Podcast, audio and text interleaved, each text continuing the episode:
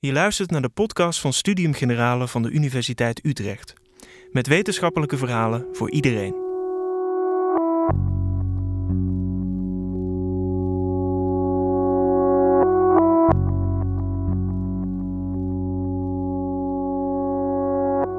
Wetenschappers moeten zich regelmatig verdedigen tegen twijfels van buitenaf. Wordt klimaatverandering door de mens veroorzaakt? Is genetisch gemodificeerd voedsel echt veilig? Ze zouden graag harde feiten tegenover deze twijfels zetten. Maar volgens sociaal wetenschapper Jaap Bos is absolute zekerheid in de wetenschap niet haalbaar. Hij vertelt over de filosoof Ludwig Wittgenstein, voor wie zekerheid niet het eindpunt, maar juist het startpunt van twijfel is. Wat levert dat ons op?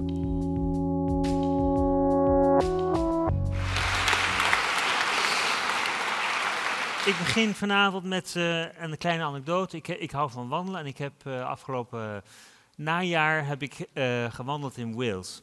Um, en ik, heb, ik illustreer mijn verhaal een beetje. Dit is Wales. Het is een mystiek landschap. Er wordt heel veel gemist in, in, in Wales. Er, je loopt altijd in de regen en in de mist. Ik vind dat niet erg. Um, ik was daar met een kennis. Kennis staat rechts, ik sta links.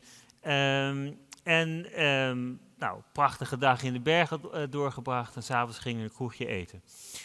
En in dat kroegje vertelde mijn kennis dat hij um, bij een waarzegger was geweest. En die waarzegger die had over hem verteld nou, hoe zijn leven eruit zag en, en wat je allemaal nog kon verwachten en wat er allemaal gebeurd was in zijn leven. En die kennis van mij was heel erg onder de indruk van die waarzegger. En toen zei ik iets en ik had het beter niet kunnen zeggen, maar ja, het zit in mij, ik zei het toch. Ik zei, maar, maar je weet toch dat dat allemaal onzin is? Je weet toch dat deze mensen, het zijn eigenlijk bedriegers. Uh, die hebben technieken die, uh, waarmee ze jou, jouw gezicht kunnen lezen en gaan ze jou gewoon vertellen wat, wat jij hen hebt verteld. Mijn kennis vond dat niet leuk. Uh, had ik moeten weten, maar maar goed, hij vond het niet leuk en hij zei: Ja, maar jullie wetenschappers, jullie zijn zo ontzettend rationeel. Uh, jullie hebben maar één manier om dingen te weten en ik heb nog een manier, de weg van het hart. En dat levert me ook kennis op. Jullie wetenschappers, uh, voor jullie is er maar één soort, één soort waarheid en één soort manier om erachter te komen. Uh, en, en, eigenlijk is jullie, jullie wetenschap ook niets anders dan een geloof. Je moet in wetenschap geloven. Ik zei, nou, als één ding wetenschap niet is, dan is het dat. Het is geen geloof. Wij wetenschappers, wij, zijn, wij beroepen ons op ons vermogen om kritisch te zijn tegen de wereld, op, tegen kennis vooral. Uh, we onderzoeken de wereld en we nemen niets aan. Ja, zei die kennis van mij, dat vind ik ook zo vervelend aan wetenschap. Altijd maar kritisch zijn, dat is zo negatief. Ik denk, nou, goed. Zo, on, zo, zo, zo, zo, werd dat gesprek nog een tijdje gevoerd die avond. En het eindigde ermee dat, nou, dat we allebei niet, um, niet het gevoel hadden dat we ons punt hadden gemaakt. En mijn kennis zei ter afsluiting: Ik heb niks geleerd. Ik wist alles al. Um, en toen moest ik heel erg op mijn tong bijten om, om niet te zeggen: Ja, maar dat is ook precies het probleem. Um, het, het, feit dat je al van tevoren alles weet, dat, dat is dat is wat ik nu juist wil laten zien dat dat wetenschappers niet doen. In deze anekdote, die ik niet voor niks vertel, komen drie dingen naar voren die ik vanavond wil uitdiepen met u. Uh, en ik ga, ga, ze alle drie even kort af, kort langs. Strijd, twijfel en zekerheid. Dat zijn elementen die in mijn verhaal naar voren komen, die ook in dit anekdote naar voren komen. En ik wil kijken of wij met behulp van die begrippen iets meer te weten kunnen komen over wat wij doen als wetenschappers. Dit is de waarzegger van uh, mijn kennis. Ik weet niet zeker of dit ook echt de waarzegger was, maar zo ongeveer had ik mij haar voorgesteld toen hij vertelde over de waarzegger. Uh, ik begin bij twijfel. Twijfel kennen we allemaal van uh, Descartes. die twijfel als een methodische regel of een methodisch beginsel opvat. Hij wilde weten uh, hoe kunnen wij nu aan zekere kennis komen. Wel, dan moeten we ons voorstellen dat we eigenlijk in een, in, een, soort droomsituatie verkeren waarin we niet zeker weten wat nou wat is. Nou, wanneer weten we wel zeker? Nou, wanneer we fundamenteel aan alles kunnen twijfelen, behalve aan, uh, u weet het waarschijnlijk al, aan de twijfel zelf. Twijfel kunnen we niet betwijfelen, want we zijn aan het twijfelen. Dus blijkbaar wordt er getwijfeld en er is ook iets dat moet twijfelen. Dat is het ik. En die twee dingen die leveren ons de fundamentele zekerheid op dat er tenminste iets is waarover we het kunnen hebben. Een ik dat denkt. Cogito ergo sum. Natuurlijk is het voor, voor Descartes is het, een, eh, is het een methode. Het is niet, hij twijfelt niet werkelijk aan zichzelf, maar het is een manier om te komen tot kennis. En hij zegt dat is een gezonde manier. Ik heb een mooi citaat, dat ga ik u even voorhouden. Van Descartes. Que pour l'examiner, la vérité, il a besoin, une fois en sa vie, de mettre toute chose en doute, autant qu'il se peut om achter de waarheid te komen, moeten we alles één keer in het leven helemaal ter discussie stellen. Zo goed als we kunnen. Nou, iemand die, dat, die, die deze boodschap heel serieus genomen heeft, is uh, Wittgenstein. Daar ga ik een klein beetje dieper op in vandaag, want dat, is, dat vormt voor mij het scharnierpunt in mijn verhaal. Wittgenstein heeft al heel lang mijn leven bezig gehouden. Blijft een moeilijk grijpbaar figuur. Fascinerend. Uh, maar ook ongelooflijk uh, inspirerend figuur. Ik moet iets over zijn leven vertellen, anders komen we niet veel verder. Anders kunnen we ook niet veel van hem begrijpen. En ik moet iets over zijn filosofie vertellen en dan kan ik het punt van twijfel weer oppikken. Uh, Wittgenstein is, als gezegd, een fascinerend figuur. Komt uit Wenen, eind 19e eeuw, geloof ik, geboren in 1889. Uit een steenrijke familie, de Wittgensteins. Ik geloof dat ze de rijkste familie waren in Oostenrijk staalmagnaat, een heleboel broertjes en zusjes. En Wittgenstein leed net als veel van zijn broertjes en zusjes aan uh, depressie. Hij heeft vaak overwogen om zelfmoord te plegen en drie broers uh, hebben dat ook werkelijk gedaan. Dus hij was behept met, genetisch behept met een, met een bijzonder moeilijke achtergrond. En misschien was zijn vader ook wel heel vervelend. Ik geloof dat dat ook zo is. Lees de biografie van Ray Monk over Wittgenstein, die is geweldig goed. Daar kun je zijn leven helemaal uh, in al zijn rijkheid uh, leren kennen. Het heilige moeten. Um, van Wittgenstein een paar details. Hij, hij studeert in Berlijn, uh, werkdagbouwkunde studeert hij. begin van de 20e eeuw. En um, hij leert dan, in die tijd dat hij in Berlijn is, leert hij het boek van Russell en Moore kennen. Principia Mathematica en is geweldig onder indruk van het boek. hij, hij, is van zijn sokken geblazen, zoals dat in zijn Engels heet. Um, en hij denkt, ik moet naar Cambridge, ik moet naar Russell toe om die man te ontmoeten. Dus hij gaat naar, hij gaat naar Russell toe in Cambridge. Hij klopt aan en zegt, Russell, vertel mij, ofwel ik ben gek, ofwel ik ben geniaal. Als ik gek ben, dan ga ik terug naar Berlijn en dan ga ik gewoon werktuigbouw kunnen studeren. Maar als ik geniaal ben, dan ga ik in de filosofie verder. Russell kijkt naar deze jonge uh, figuur die hij niet kent en zegt, nou, Wittgenstein, kan dat zo niet zeggen, ik ben geen waarzegger. Uh, maar doe me een lol, schrijf een essay. Uh, nou lees ik dat essay en dan kan ik je zeggen of je gek bent of niet. Dus Wittgenstein gaat naar zijn kamertje toe, schrijft een essay. Russell leest het essay, één zin, en hij zegt naar één zin, nou gek ben je in ieder geval niet. Dus dat determineert de, de keuze van, uh, van Wittgenstein zijn leven. Hij wordt filosoof. Uh, ondertussen breekt de Eerste Wereldoorlog uit. Hij gaat terug naar uh, de, de asmogendheden. hij wordt als soldaat, de nederigste beroep. Hij vond dat je nou ja, hij vond een eenvoudig leven moest leiden. Dat heeft hij ook altijd gedaan. Hij heeft al zijn bezittingen weggegeven. Al zijn rijkdom heeft hij afstand van gedaan. Hij werd soldaat. Hij, in die oorlog heeft hij, de Eerste Wereldoorlog, heeft hij geschreven aan de Tractatus. Die komt iets later uit, de Tractatus Logico Philosophicus. Dat is het enige wat hij ooit gepubliceerd heeft in zijn leven. Nou ja, misschien nog een artikeltje, maar het enige boek dat hij geschreven heeft is het de Tractatus. Dus ik geloof 77 pagina's groot in het uh, origineel. En dat uh, sloeg in als een bom in de filosofiewereld. Het was geweldig en niemand begreep het. Um, het is ook een, ik heb ook lang over gedaan om, om daar soep van te koken. En misschien kan ik dat nog steeds niet, maar, maar het, het fascineert het boek. Wat gebeurt er? In het boek, hij begint met een, met een idiote opening. Die wereld is alles wat er val is. De wereld is het enige wat er is, alles wat er is, moet ik zeggen. De wereld is alles wat er is. Ja, natuurlijk is de wereld alles wat er is. Tussen die openingszin en de laatste zin die u waarschijnlijk ook allemaal kent. Daar waarover je niet kunt spreken, daarover moet je zwijgen. Daartussen ontvouwt zich een boek uh, waarin hij probeert te laten zien dat er een relatie is tussen de wereld, die blijkbaar het geval is, en taal, waarin je dingen kunt zeggen. Dat is wat hij wil laten zien, dat er tussen die twee een, uh, een relatie is. En ik heb dat hier een beetje in het schema gebracht. Taal, aan de ene kant, onze mogelijkheid om iets te zeggen in taal, met woorden, met symbolen, met uitdrukkingen, proposities enzovoort, en de verbindingen daartussen. En de andere kant de werkelijkheid, de wereld, waarover we iets moeten zeggen. En die wordt met elkaar verbonden met logische proposities. De gedachte van Wittgenstein is dat wij de taal als een soort rijgsnoer tussen, tussen, eh, tussen de wereld en, en onze uitdrukkingen is. En, en dat als je dat goed doet, dat je dan logisch gesproken alles kan zeggen in die taal wat nodig is. En dat dat ook waar is. Dat, waar, dat ware uitspraken gedaan kunnen worden. Althans, dat ware uitspraken gedaan, uh, onderscheiden kunnen worden van onware uitspraken. Dat is de gedachte. Hij geeft in het boek een soort schema waarin je waarheidstafel van taal kunt laten zien. En dat is een uh, interessante gedachte. Uh, want als dat het geval is, dan inderdaad kun je in taal uitdrukken wat uitgedrukt moet worden.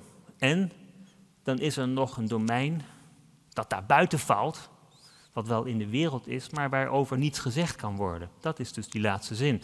Daar waarover je niet kunt spreken, daarover moet je dan maar zwijgen. Want daar valt in taal niets over te zeggen. Um, die laatste zin, en trouwens het hele boek, maar vooral die laatste zin, heeft veel mensen aangesproken, vooral de logisch positivisten in, uh, in Wenen, de Weense cirkel. Die dachten, oké, dit, is, dit is precies wat wij willen. Wij willen, uh, wij willen een systeem dat sluitend is, logisch is, waarin waarheid en onwaarheid uh, onderscheiden kan worden. En dat is het dan. Dus hij is on, onthaald in de, in de Weense wereld als de held, en hij is ook lang zo gezien. Um, en ook door Russell. Die vond dat ook een briljant idee. En die heeft deze Wittgenstein erkend als een, als een grote stap voorwaarts in de filosofie. Um, en dan hebben we het nu over uh, de jaren uh, 20 in de, uh, in de 20e eeuw. En dus dat boek komt uit, ik geloof in 21 of 22. En, eh, en langzaam maar zeker dringt, dat, dringt dat, dat ondergrondelijke boek door in de wereld van de filosofie. Um, dus dat ziet er ongeveer zo uit. In de jaren 20 geeft Wittgenstein zijn filosofieberoep op. Hij vindt dat er genoeg gezegd is. Dat, dat met dat boek eigenlijk alles gezegd is wat er gezegd kan worden. Hij wordt leraar op een, op een lagere school. Hij is niet bijzonder goed, want hij eist vreselijk veel van zijn leerlingen. En uh, die kunnen dat hoog intellectuele niveau helemaal niet aan. Hij vindt trouwens die leerlingen ook niet zo interessant. Hij komt terug uh, eind jaren 20 uh, in Cambridge als hij ontdekt dat dat waarvan hij dacht dat dat nu klaar was, dat filosofie, uh, toch niet helemaal klaar is. En dat is het moment waarop Wittgenstein 2 zijn entree doet in de wereld. Wittgenstein 2 geeft kritiek op Wittgenstein 1. Wittgenstein 2 en Wittgenstein 1, de onderscheid is door Russell gemaakt. en die had, die had grote bewondering voor Wittgenstein 1, maar Wittgenstein 2 vond hij, nou, was hij ietsje minder enthousiast over en misschien vond hij het zelf wel onzin. Toch wordt Wittgenstein 2 gezien als een ongelooflijk belangrijk figuur, ook in de sociale wetenschap, omdat hij iets gedaan heeft wat in die tijd nieuw was en, en heel veel op gebracht heeft.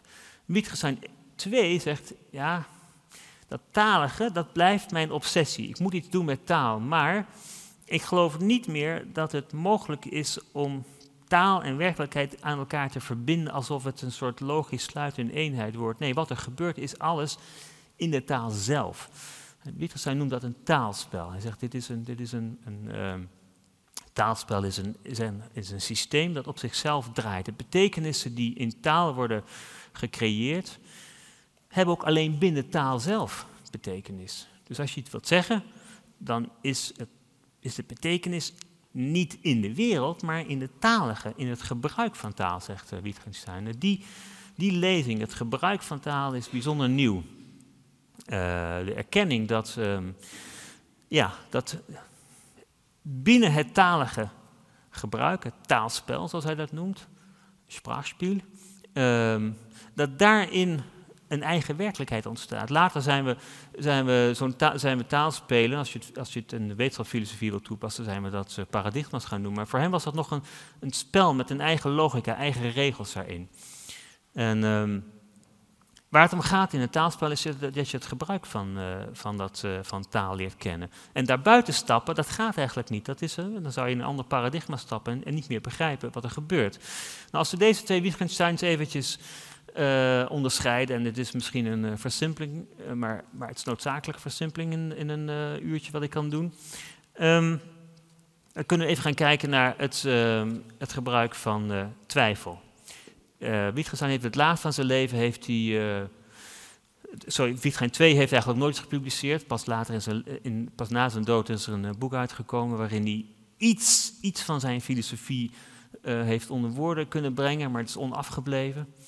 Um, en er zijn nog meer notities uh, na zijn dood uh, gevonden. En de laatste notities van kort voor zijn dood, een jaar voor zijn dood, gaan over zekerheid en twijfel. En dat is een ongelooflijk interessant boek. Uncertainty.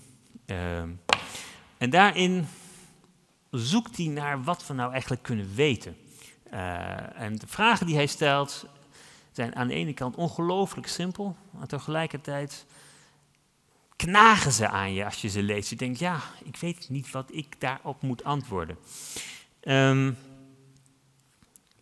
even als illustratie wat er gebeurt uh, in een taalspel. Um, neem een zin als ik denk dus ik ben van Descartes. Wat Wittgenstein zegt. Denken en zijn worden in dat taalspel zelf al verondersteld.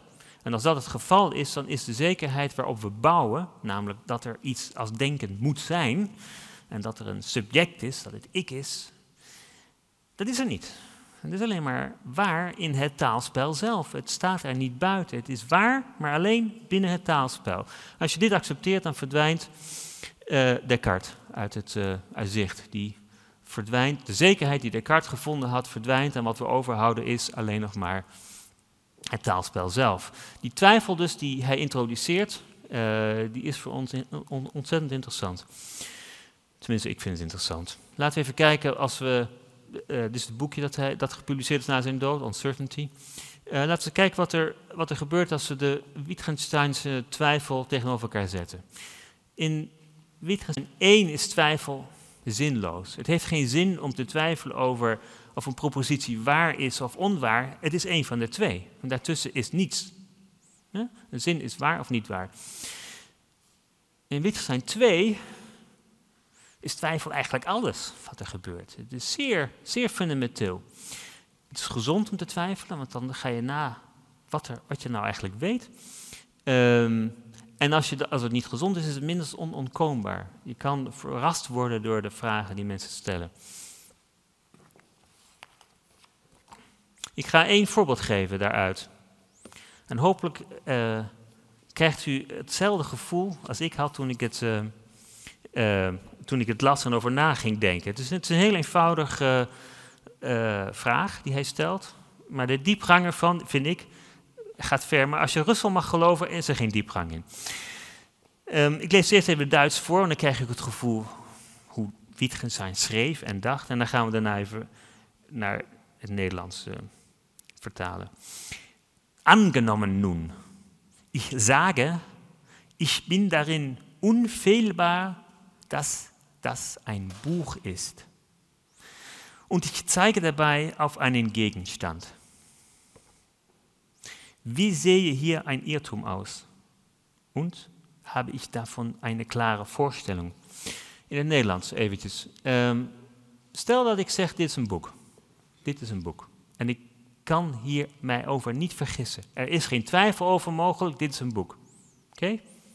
Dat is de uitspraak op zichzelf niet een erg uh, diepgaande uitspraak. En Wittgenstein zegt dan twee dingen. Hij zegt, uh, als er geen twijfel over mogelijk is, wat is dan, hoe ziet die twijfel daar dan uit? Wat is dat dan? Als je zegt, dit is geen twijfel over mogelijk dat dit een boek is. Wat is die twijfel dan? En weet je wel zeker waar dat over gaat, die twijfel. Die twee vragen, en dat boek staat vol met dit soort vragen. Mensen, als je het leuk vindt, lees dat dan. Het is, uh, het is, je, blijft, je blijft ermee bezig. Die twee vragen over wat het betekent, op te twijfelen, die, eh, die, zijn, die zijn heel uh, vergaand in het denken van Wittgenstein. Um, in dit boek laat Wittgenstein zien dat twijfel pas na geloof komt. Eerst, of geloof, zekerheden. Um, zekerheden. Eerst weet je iets, eerst onderzoek je iets, dat weet je dan. En dan pas kan je erover twijfelen. In plaats van wat wij gewoon, gewoon zijn te denken, is dat je na twijfel iets weet. Hij zegt net precies andersom. Je weet iets en daarover kan je pas twijfelen. Um, twijfel heeft dus een doel. Uh, en het, is een, het, het veronderstelt een zekerheid in zichzelf. Het is een taalspel. Nou, daarover twijfelen is interessant. Um, dit schemaatje heb ik gepikt van een, een auteur die uh, een, een, essay heeft geschreven over de twijfel bij Wittgenstein. Het figuurtje lijkt een beetje op het figuurtje dat ik eerder heb gepresenteerd bij Wittgenstein 2. Dit is eigenlijk het taalspel. De P is de practice, het taalspel. Dus je ziet hetzelfde, idee. Je sluit een werkelijkheid af in een taalspel. Uh, en ik ga dat niet helemaal uh, uitleggen. Dat hoeft ook niet. Lees het essay zelf, zou ik zeggen. Maar waar het mij om gaat is eventjes wat er binnen staat. Kennisclaims. Wat je kan weten, dat is de K. een kennisclaim een kennisclaim, dus dat wat je kan weten, bijvoorbeeld of iets een boek is, of, of ook uh, is dit mijn hand, hè, dat is een kennisclaim, ja, dit is mijn hand. Al die claims zijn op andere claims gebaseerd. Het is een beetje zoals je een, uh, een woordenboek bekijkt en er staat wat is blauw, zie kobalt, wat is kobalt, zie blauw. Um, de in zichzelf gedefinieerde kennisclaims, of aan elkaar gerelateerde kennisclaims, die maken een taalspel. En de zekerheid vloeit dan dat taalspel binnen. Dat is de C, de certainty, recht staat. De zekerheid vloeit voort uit, uit die taalspelen zelf, maar staat uiteindelijk buiten het taalspel. En hetzelfde geldt voor de doubt en de error. Dus de twijfel, de twijfel, met twijfel plaats je jezelf buiten het taalspel. Dat betekent dat je, dat je grondig aan het taalspel grond, er grondig uh, uh, vragen bij stelt.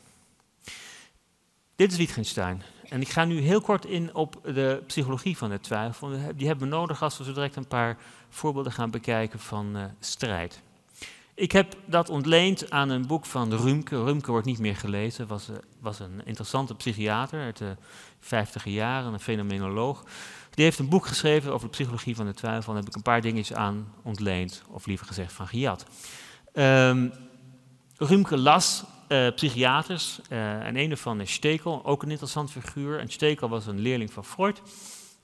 Dus die zoekt dan naar verborgen lagen. En een van de verborgen lagen die Stekel ontdekte toen hij het probleem van dwang en twijfel onderzocht, was dat twijfel twijfel aan zichzelf is. De propositie van Stekel is dat iedereen die twijfelt, twijfelt aan zichzelf. De link met Wittgenstein is hier niet ver.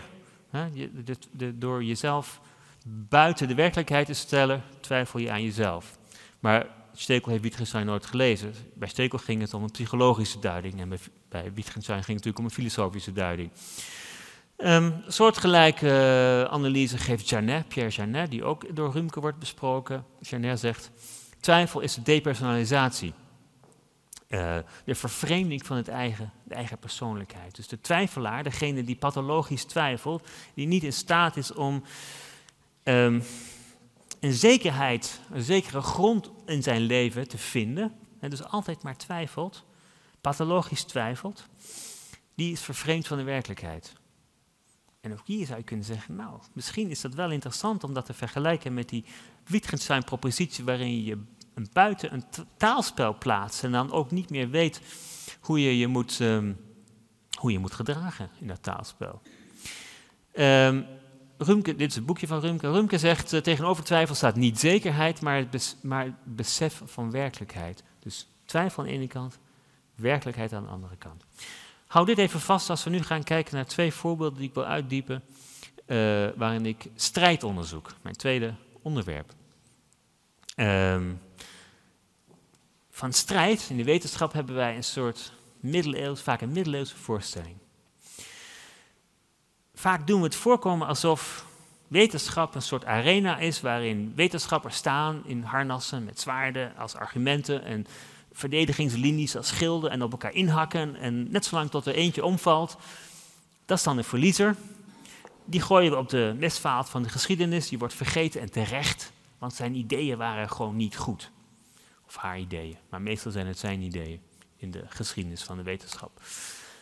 Daar kun je natuurlijk vraagtekens bestellen, maar dat doen we nu niet. Het gaat nu om die strijd. Een riddertoernooi met een winnaar. En we hebben al gezien, je kan ook van verliezers kan je leren. Maar ik wil zeggen, het gaat helemaal niet zo in de wetenschap. We hebben helemaal niet ridders met uh, ridderlijke motieven die strijden en dan de strijd opgeven. Popper zou, zou daar blij mee zijn geweest met die um, voorstelling. het zit ook een beetje in zijn, in zijn idee van falsificatie. Als je maar, als, je, als je theorie wordt ontkracht, dan moet je hem opgeven. moet je naar huis gaan en, en toegeven dat je verloren hebt. Maar zo gaat het in het echt niet. Ik ga, ik ga twee voorbeelden daarvan bespreken. Hopelijk lukt het mij om ze kort te bespreken. Um, en dan zien we dat strijd een andere dimensie krijgt. Eerste voorbeeld. Die is leuk omdat de enige keer dat Popper en Wittgenstein elkaar ontmoet hebben, was één van strijd. Ze hebben elkaar feitelijk één keer ontmoet en dat was in 1946 in Cambridge. Uh, Popper was een jonge man, was upcoming, was bezig zijn naam te vestigen, had, zijn eerste publicaties gemaakt. Wittgenstein was gevestigd als de grote filosoof, de grote mysticus. Dat ene boek van hem, dat kende Popper. De rest niet. Kon ook niet, want hij had niks geschreven, niks gepubliceerd nog. Uh, maar dat boek kende Popper. En dat, uh, daar was hij vreselijk tegen, want Wittgenstein wilde ware uitspraken doen. En Popper wil nou juist voorkomen dat ware uitspraken gedaan worden. Hij wil weten wat niet waar is. Dus hij kwam naar Cambridge om gehakt te maken van Wittgenstein. Dit vindt plaats in de Moral Science Club, 1946. Dat is een grote, nou, ik weet niet of het groot is, maar het was vergelijkend een beetje met deze aula, maar dan met een open haard hier. Wittgenstein zit aan de ene kant, aan de andere kant zit Pop, staat of ligt, zich, weet ik veel wat die man, of ze zaten, weet ik niet precies. Laten we zeggen, hij, hij, hij zat ook. Zat Popper en in het midden zat Russell. En um, Popper begint een verhaal te houden. Namelijk over de vraag, zijn er filosofische vragen? En als er filosofische vragen zijn, kunnen ze worden opgelost. En Popper vindt van wel. Hij vindt dat er filosofische vragen zijn die kunnen worden opgelost. Bijvoorbeeld met behulp van principes of regels. En Wittgenstein is daar heel erg tegen. Die vindt dat er geen echte filosofische vragen zijn. Er zijn alleen maar raadsels, riddles.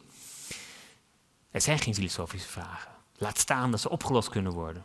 Dus Popper begint zijn verhaal te vertellen met de bedoeling om gehakt te maken van Wittgenstein 1. Maar hij weet niet dat er ook nog Wittgenstein 2 in de zaal zit. Die nog erger is dan Wittgenstein 1. Een paar minuten in het betoog van Popper begint Wittgenstein op te staan. Onrustig, want dat deed hij. Als hij nadenkt, dan ging hij opstaan, ging hij door de kamer lopen. Hij pakte een pook van de open haard Jij hebt helemaal ongelijk, schreeuwde hij tegen Popper. Dat is niets van waar, onzin. Dat is het ergste wat, wat je verwijt dat je kon treffen bij, uh, bij Wittgenstein. Onzin. Oh, zei Popper, wat, wat is dat dan? Niet waar? Nou, zei uh, Wittgenstein, het is niet zo dat er filosofische vragen zijn die kunnen worden opgelost met een, uh, met een bepaald uitgangspunt of een regel. En hij stond daar dus met zijn pook, die hij had opgepakt uit de open haard, te, zwaaien. Gevaarlijk te zwaaien, uh, zeggen de verslagen. Nou, zegt Popper, ik denk van wel. Denk wel dat uh, filosofische vragen zijn die met, met een bepaald principe kunnen worden opgelost. Noem er één, zei Wittgenstein met zijn pook in zijn hand. Nou, bijvoorbeeld zei Popper, dat je niet je gasten met een pook bedreigt als je daar een voorlezing komt geven. En dat, in nu uh, lopen de lezingen van wat er gebeurt een klein beetje uiteen. In het ene geval smijt Popper zijn pook in de haard en loopt woedend de kamer uit en knalt de deur achter zich dicht. In de andere versie, nog iets erger is, zegt Russell tegen Wittgenstein: Wittgenstein, leg die pook neer. Waarop Wittgenstein de kamer nog steeds uitloopt en de deur achter zich dichtknalt. Dit is een voorbeeld van strijd waarbij het duidelijk is dat de filosofische standpunten niet nader tot elkaar zijn gekomen, maar het is ook moeilijk om te zeggen wie er nou gewonnen heeft. Popper vond dat hij gewonnen heeft. Hij is later in zijn leven, heeft hij deze anekdote een paar keer verteld op verschillende manieren. En steeds liet hij zichzelf als, uh, als winnaar uh, uit de bus komen. Voor Wittgenstein zou je kunnen zeggen, is, is de vraag wie er gewonnen heeft onzinnig.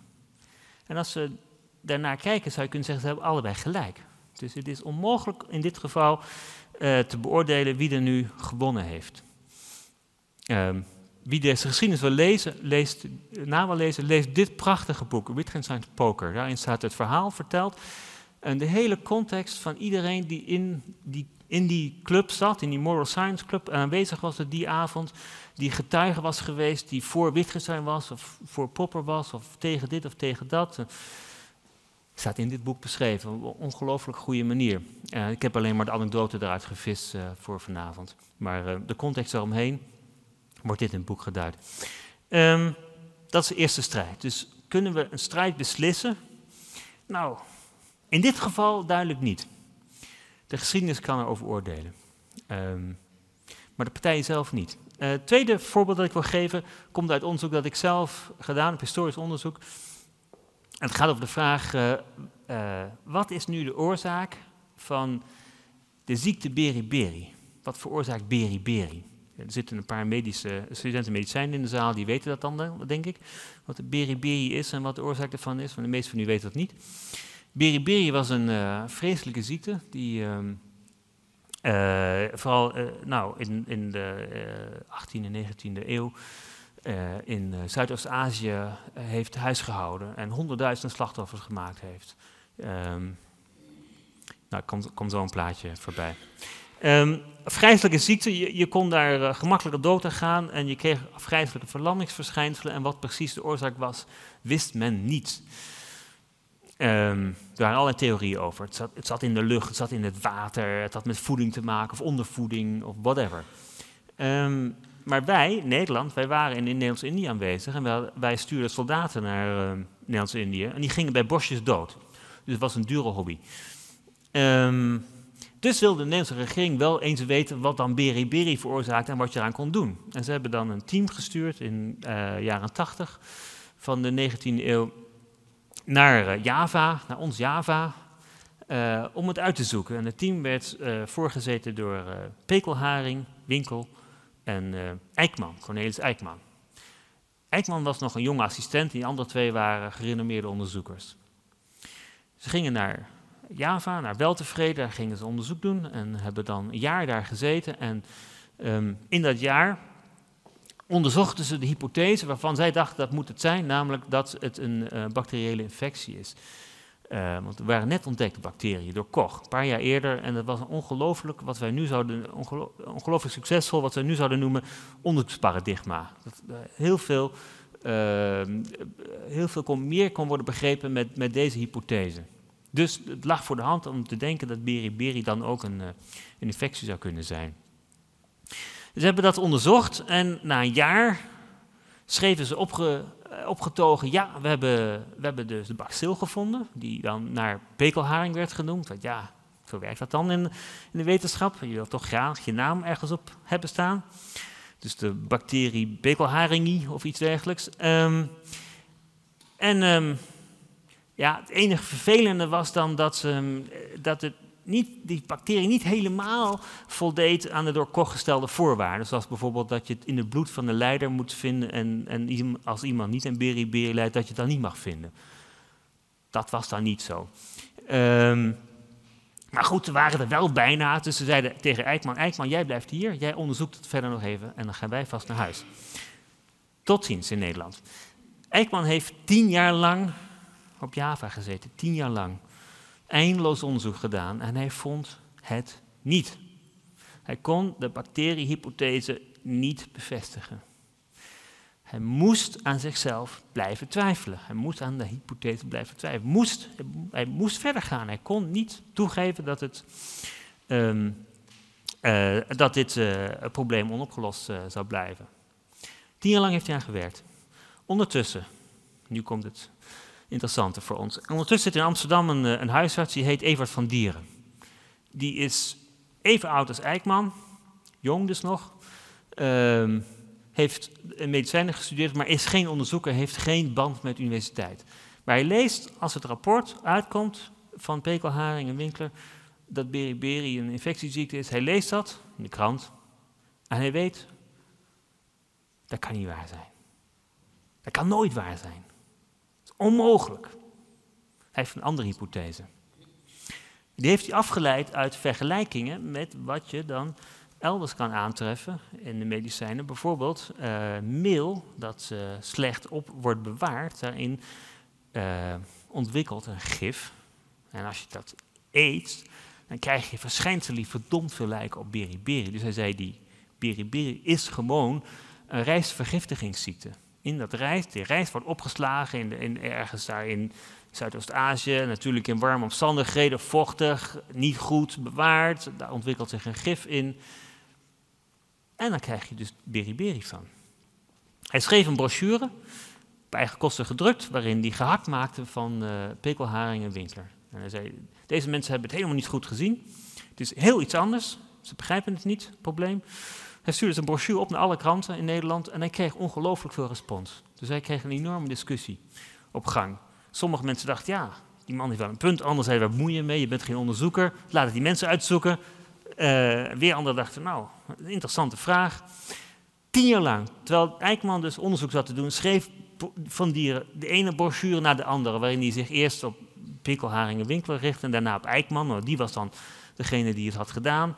En hij beschuldigde Eijkman van steeds grovere uh, daden. Eerst zei hij, ja, je, hij, hij beschuldigde hem wat, wat, we nu zouden noemen van confirmation bias. Je kijkt alleen maar naar één ding. Maar hij beschuldigde hem ook van uh, neglect, dus van nalatigheid. Hij zei, jij hebt honderdduizenden doden op je geweten. Honderdduizenden doden heb je op je geweten, omdat je niet naar mij wil luisteren. Want als je het wel had gedaan, dan had je het probleem opgelost. Niet leuk voor Eijkman. Uh, maar Eijkman is onderzoeker. Die denkt, ja, ik heb niks aan meningen. Ik moet iets onderzoeken. Ik heb een laboratorium, ik heb kippen. Die infecteer ik met beriberi en dan kijk ik wat er gebeurt. Ik heb niks aan hypothese. Na tien jaar heeft Eijkman dus nog steeds niet gevonden wat hij, wat hij nodig heeft. En Van Dieren schrijft de ene brochure naar de andere. Houdt niet op. Hij is wat we nu zouden noemen querulant. Trouwens, zo noemden ze hem toen ook. Een ziekelijke ruziemaker. Um, op het moment dat jaar dat, dat Eijkman teruggaat naar Nederland, schrijft hij, schrijft hij een verslag. En daarin zegt hij iets opmerkelijks. Hij zegt, nou, het is geen, uh, de beriberi is geen, uh, is geen infectieziekte, mensen. Het heeft met voedsel te maken. Ha! Zei Van Dieren, wist ik wel. Wist, heb ik al tien jaar lang geroepen. Maar, zei Eijkman, um, het is niet iets wat in het voedsel zit. Het is iets wat er niet in zit. Groot verschil. Um, het zit ongeveer zo, de anekdote komt van Ekman zelf. Hij zei, ik zat, uh, ik zat op een dag zat ik in mijn, uh, in mijn laboratoriumpje, klein laboratoriumpje van twee kamertjes. Ik had een ammonumensis had hij tot zijn beschikking en die ammonumensis werd gewisseld. De nieuwe ammonumensis kreeg hij. Die nieuwe ammonumensis was, was gezagsgetrouwer dan de vorige. De vorige die gaf gewoon de rijst die soldaten kregen ook aan de kippen. Die moeten gevoederd worden. Maar deze ammonumensis die zei, ja maar die soldaten krijgen de dure, gepelde witte rijst. En dat vind ik zonde voor die kippen. Dus die krijgen de ongepelde rijst. Die is goedkoper. Uh, dus die moeten die rijst krijgen. En uh, Eijkman had dus een hok vol beriberi-kippen, dacht hij. Uh, en die werden gevoederd met een nieuw soort rijst en die, die werden beter. Hè? Moet hij, Eijkman hebben geobserveerd, hoe kunnen mijn kippen, waar ik niks mee gedaan heb, in één keer beter worden? Dat moet met het voedsel te maken hebben. Dat die, dat, hè, dus hij vroeg aan zijn amendementen, wat is er gebeurd? hij zei, nou, ik, heb, mijn kippen ik heb jouw kippen gevoederd. Waarmee dan? Ja, met, met, met, dus met ongepelde. Ah, dus blijkbaar zit er iets in dat vliesje van die rijst, waarvan Eijkman dacht, dat beschermt ons tegen beriberi. Um, dat is, dan hebben we het nu over 1890. Dan heeft het nog 20 jaar geduurd, 25 jaar geduurd, voordat dan eindelijk duidelijk was dat in dat vliesje iets zit wat wij nu vitamine noemen. Een bestanddeel dat wij nodig hebben om te leven, vandaar de naam, vitamine. Um, Eijkman is aan die ontdekking zelf altijd blijven twijfelen. Hij was de onderzoeker die hij was. Hij, hij was nooit tevreden met zijn resultaten. Never. Hij is altijd aan blijven twijfelen. Van Dier is ook altijd aan blijven twijfelen, maar wel een Eikman, niet aan zichzelf. Dus die, die, die twijfel die we gezien hebben, ook de psychologische kant ervan, die vinden bij deze figuren terug. De, van Dieren is de, is de notoire twijfelaar die zichzelf buiten de werkelijkheid plaatst en alleen maar kritiek kan hebben. Maar Eijkman is de twijfelaar die aan het taalspel, aan het spel van de wetenschap twijfelt. Hij weet niet zeker of wat hij doet goed is. Hij moet verder. Hij zal nooit tevreden zijn met wat hij heeft. Zijn twijfel is zeer fundamenteel. Kan de geschiedenis nu oordelen wie er gewonnen heeft? Nou, Eijkman heeft gewonnen volgens de geschiedenisboekjes. Hij heeft de Nobelprijs gekregen voor medicijnen in 1929. Aan het eind van zijn leven. Aan het begin van zijn leven begonnen met Beriberi. Aan het eind van zijn leven is hij, is hij beloond met de Nobelprijs. Alhoewel hij de laatste was. De allerlaatste. Nou, op één na laatste. Van die is nooit overtuigd geweest. Op één na laatste die overtuigd was van zijn eigen ontdekking. Dat vergt toch een bepaald soort uh, kracht, een bepaald soort moed. Uh, die je nodig hebt om, om door te gaan en te durven twijfelen aan je eigen werk. Uh, en je ziet ook dat in, in, deze, in dit onderwerpje strijd, dus dat het onmogelijk is om op het moment zelf te beoordelen wie er dan wint. Ze vonden allebei dat ze, in zekere zin dat ze gewonnen hadden. Uh, Eikman, of liever gezegd, Eikman heeft zich uit die strijd willen houden, zolang het maar ging. Hij wilde, hij wilde, hij wilde er niet aan deelnemen. Pas toen hij werd beschuldigd van nou, de dood van honderdduizenden, toen moest hij wel reageren. En heeft hij ook gereageerd. En heeft hij, was hij zeer verontwaardigd. En van dieren heeft natuurlijk zijn hele leven lang die strijd aangegaan zonder ooit binnen te dringen bij de ander. Dus hier is strijd iets anders dan dat toernooi waarin we met elkaar vechten om de, om de kracht van argumenten. Strijd is hier niets anders dan wat wezenlijk is voor de wetenschap volgens mij, namelijk een manier om met behulp van anderen of in, in de dialoog met anderen je eigen positie te laten zien. Dit is wat ik ben, dit is wat mijn, wat mijn argument voorstelt. Daar heb je strijd voor nodig, niet om te winnen, maar om je eigen positie neer te kunnen zetten. Um, dat is de kern van um, uh, strijd. Ik ga even kijken, hoe zit in mijn tijd? Hoe zit ik in mijn tijd, mensen? Nou, het gaat goed lukken. Um, ik wist van tevoren niet precies hoe lang, ik, hoe lang mijn verhaal zou duren. Ik heb het een paar keer geoefend, maar meestal kwam ik te lang uit. Nou, nu zit ik redelijk in mijn tijd. Um, eigenlijk moet je dit verhaal drie keer houden, maar ja, kan ik je niet aandoen. Um, dit is Eikman, serieus onderzoeker. Dit is Beri Beer, zoals ze uitziet in, in de werkelijkheid. Dus dat is een zeer, dus ook in die tijd uh, genomen, die foto. Je raakt verlamd, je raakt uh, uitgeput. En, en soms val je van de ene moment op de andere dood zonder dat er iets aanwezig is. Dus het was een zeer, zeer merkwaardige ziekte. En ook omdat de verschijnselen, de symptomen zo verschillend waren, was het onmogelijk om een duidelijke oorzaak aan te wijzen. En dit is onze vriend van dieren, zittend achter zijn bureau, schrijvend aan zijn pamfletten tegen uh, Eikman. En mensen die geïnteresseerd zijn, ik heb een boek over deze man geschreven waarin hij nog veel meer strijd geleverd heeft. Tegen Einstein, tegen Freud, tegen alle vernieuwingen in zijn tijd. Een, een zeer wonderlijk figuur. Fascinerend, maar wonderlijk. Uh, en dit is zijn uh, brochure. Een van de eerste brochures tegen, tegen Eikman gericht. Oké, we gaan het hebben over zekerheid, mijn laatste onderwerpje. we zijn begonnen bij, bij twijfel, waarin we de plek en de functie van twijfel hebben onderzocht. De kracht van twijfel bij Wittgenstein vermogen om onze eigen assumpties, onze eigen veronderstellingen, onze eigen manier van werken ter discussie te stellen. We hebben gezien hoe dat eruit ziet in, in het echt, in, in het moment van de, van de strijd. En ik zou het leuk vinden nog meer van dat soort historische uh, onderwerpen uit te zoeken waarin strijd voorkomt. En nu wil ik kijken wat het gevolgen van is. Zekerheid. Uh, en ik ga nu proberen naar het nu te komen, want we zaten lang in de geschiedenis, hè, in, de, in, de, verre geschiedenis, vorige eeuw. Um, en ik ga even terug naar mijn, mijn begin, uh, mijn verhaal, mijn anekdote over mijn wandeling in, uh, in Wales met mijn kennis. Um, mijn kennis was geïnteresseerd in waarheden, waarzeggers. Waar doen wij niet aan, aan waarheden? Tenminste, volgens mij doen wij daar niet aan. Wij zijn geen waarzeggers. We hebben geen waarheden um, te koop. We hebben zelfs, misschien zelfs wel geen zekerheden te koop. Als je Popper mag volgen, is het enige zekere wat we hebben, is dat we iets niet weten. Nou ja, en de dingen die dan voorlopig uh, nog niet zijn verworpen, kunnen we wel aannemen. Maar als je Wittgenstein mag, mag geloven, is zelfs, zelfs dat zeer ter discussie te stellen. Dus wat moeten wij dan als wetenschapper? Moeten we dan een beetje rond gaan, uh, gaan uh, dingen, een beetje rondkijken en wat opschrijven en stukjes insturen en, en hopen dat het wordt gepubliceerd en, en dan tevreden zijn? Dus extreme vorm van relativisme, dat denk ik niet. Ik denk niet dat we daar, als wij daar wetenschappers met, met zo'n soort visie tevreden moeten zijn. We moeten toch iets van een systeem ontwikkelen. Dat hebben we ook gedaan. Uh, waarmee we, nou ja, dan toch de kun, dan niet een zekerheid kunnen uh, afdwingen, maar dan tenminste kunnen laten zien dat wat we doen niet helemaal onzinnig is. Dat er een zekere systematiek in zit en dat je ons kan volgen in, wat, in ons werk en wat we doen.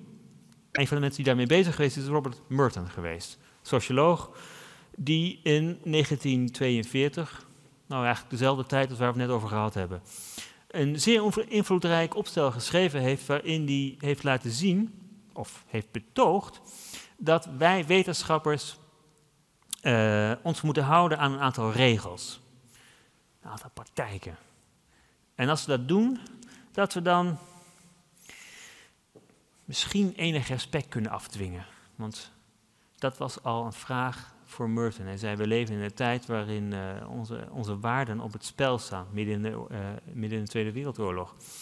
Um, wat moeten wetenschappers doen om uh, die waarden te verdedigen? Hij zei, nou, we kunnen, we kunnen een, een, aantal principes opstellen. En de meeste van u kennen die principes, denk ik wel. Universalism, communism, disinterestedness, organized scepticism. Um, wat betekent dat? Dat betekent dat wij als, um, als wetenschappers um, geen privé-eigenaar van kennis zijn, communisme. wetenschap is van ons allemaal. Het is een praktijk die wij met elkaar delen. Niemand heeft um, het alleen recht op kennis. Pekelharing die dacht dat hij zijn naam op een bacil kon zetten. Nou, Misschien mag je wel je naam aan iets geven hoor. Maar de kennis van die bacillen, die trouwens dus helemaal niet bestonden, um, die is ons allemaal. Wetenschap is ons allemaal. Het is iets wat um, onderhevig is aan systematische kritiek. Aan iets wat, um, wat vanuit het instituut, de universiteit, de, de, de academici, aan voortdurende kritiek onderhevig moet zijn. Het moet iets zijn wat, weet, onze kennis moet iets zijn wat, waar wij voortdurend kritiek leveren op elkaar. Dat zijn we ook gaan doen. En dat was in de tijd van Merton nog niet zo heel erg gewoon. Uh, maar dat zijn we gaan doen. En organized scepticism, dus het, het, het, niet iets aannemen voordat je de feiten kent. Dat, dat, is de regel die hoort bij organized scepticism. Betwijfel alles voordat je de feiten hebt. Neem niets aan.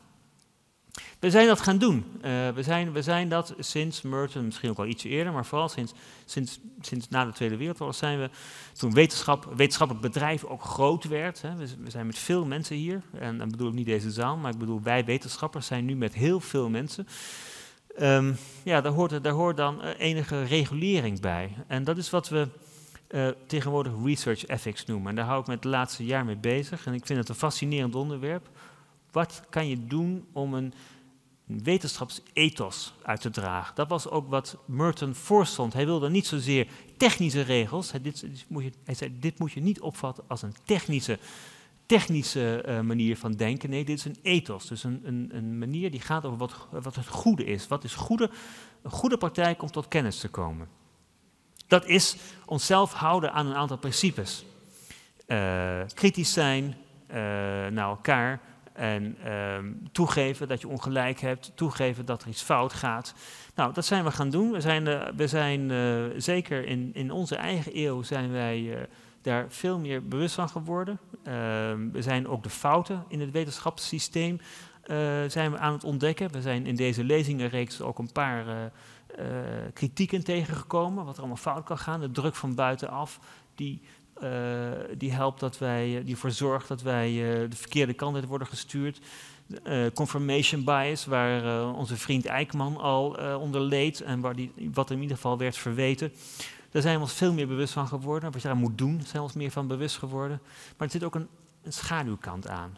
Die ben ik meer en meer aan het ontdekken. Ik vind het prachtig dat wij een wetenschapsethiek doen. En ik vind het ook zeer noodzakelijk. En, en, en ik denk ook dat wij ehm, ons bewust moeten zijn van al onze vormen van bias. Die we allemaal bij ons hebben. Of we het nou leuk vinden of niet. En of we het nou zien of niet. We hebben ze. En we moeten ons daar meer van bewust worden. Maar er zit ook een, daar zit ook een overreguleringskant aan. En daar wil ik eigenlijk vandaag mee gaan eindigen. Wij, vinden dat wij streng moeten zijn. En we zijn streng geworden. Mensen die Retraction Watch volgen, website waarin alle teruggetrokken artikelen staan. Alles wat bij nader inzien niet door de beugel kon, waar mensen gefraudeerd hebben of dingen gedaan hebben die niet helemaal goed waren enzovoort. Dat wordt erbij gehouden. Dat is een gigantische website. Iedere dag staan er enorme stukken over. Sommige van de figuren die uh, daar zijn genoemd, die zijn ook in deze lezingenreeks naar voren gekomen ik vind dat prachtig dat dat gebeurt, maar ik denk ook dat het zo langzamerhand in een soort moral panic is uit, uh, uitgemond. Na Stapel, voor ons Nederland, is dat een, uh, het, laten we zeggen, het eikpunt van wat fout was. Diederik Stapel, sociaal psycholoog die de boel geflest heeft, is er wel een beetje moral panic uitgebroken. En zijn, zijn wij onszelf aan het overreguleren. Dus wij zijn bang geworden om fouten te maken. Heel erg bang geworden. We zijn enorme systeem aan het optuigen waarin we heel erg transparant zijn en heel erg bang. Heel erg bang voor fouten. Dat we willen ons indekken van begin tot stapje, stapje, stapje, stapje, stapje. Nog een keer indekken, nog een keer checken, nog een keer indekken. Nog, weet je zeker? Tot aan het eind. En dan nog verder. Eindeloos aan het indekken. En ik weet niet zeker of dat de goede weg is. Ik twijfel daaraan. Ik wil daaraan twijfelen, want twijfel was mijn onderwerp. Ik vind het goed om daaraan te twijfelen. Ik denk dat wij ons bewust moeten worden van het feit dat, wij, dat we onderzoek doen dat het risicovol is en dat er fouten gemaakt kunnen worden. Maar vooral dat we na moeten denken over waar we eigenlijk mee bezig zijn. Dus kan die, kan die twijfel waarmee ik begonnen ben en die ik heb laten zien en die strijd en die ik nu terug wil invoeren in onze research ethics niet nuttig worden gebruikt? Kunnen wij niet meer twijfelen en minder bang zijn. Dat zou ik willen laten zien. En vandaar dat ik ga, ik denk dat mijn tijd om is, dat ik ga eindigen met, um, um, met deze prachtige empirische cyclus. Dat heb ik ook gejat van iemand die, die laat zien, kijk, als je de empirische cyclus volgt, nou, maak je stappen, je begint met een theorie, je stelt hypothese op, die ga je toetsen en dan komt er, er komt er iets uit wat je had gehoopt, publicatie. Of er komt niet iets uit wat je gehoopt had, wat dan? Nou, dan ga je een nieuwe hypothese opstellen, probeer je nog een keer, komt er weer iets niet uit. Deze cirkels doorlopen steeds maar weer, terwijl het pad aan de andere kant van laten we die theorie eens opgeven, meestal wordt genegeerd. Laat staan dat er een tijdje helemaal teruggaat naar de theorie. Zou de theorie eigenlijk niet herzien moeten worden? Ik vind dat er plaats moet komen voor twijfel. Meer twijfel. Is wat we publiceren, is dat eigenlijk wel nuttig? Is dat wat we niet publiceren? Niet nuttig en is wat wij aan het onderzoeken zijn, is dat eigenlijk wel ongelooflijk goed? Of kunnen we niet een beetje twijfel aan onze theoretische uitgangspunten stellen? Dus, dames en heren, de take-home message voor vandaag op zijn Wittgensteiniaans. Veel vragen, weinig antwoorden. Dat was Wittgenstein. Die heeft zijn hele leven lang gehoopt dat hij een boek kon schrijven dat alleen maar uit vragen zou bestaan. Is het niet helemaal gelukt, maar wel bijna. Nou, in Wittgenstein volgend ga ik twee vragen stellen en één en één mededeling doen. De vraag is, wat weet je als je iets weet? Ik weet het antwoord niet, maar ik geef het aan u mee. Ehm, en weet je ook wat je niet weet? Heel belangrijke vraag. Voor Enkman was dat een belangrijke vraag. Wat ik niet weet, was uiteindelijk wat hij moest weten. Daar moet je achterkomen. Dus weet je wat je niet weet. En tenslotte, mijn laatste boodschap is: hoe meer je weet, hoe meer je niet weet. En daarmee wil ik het voor vandaag bij houden.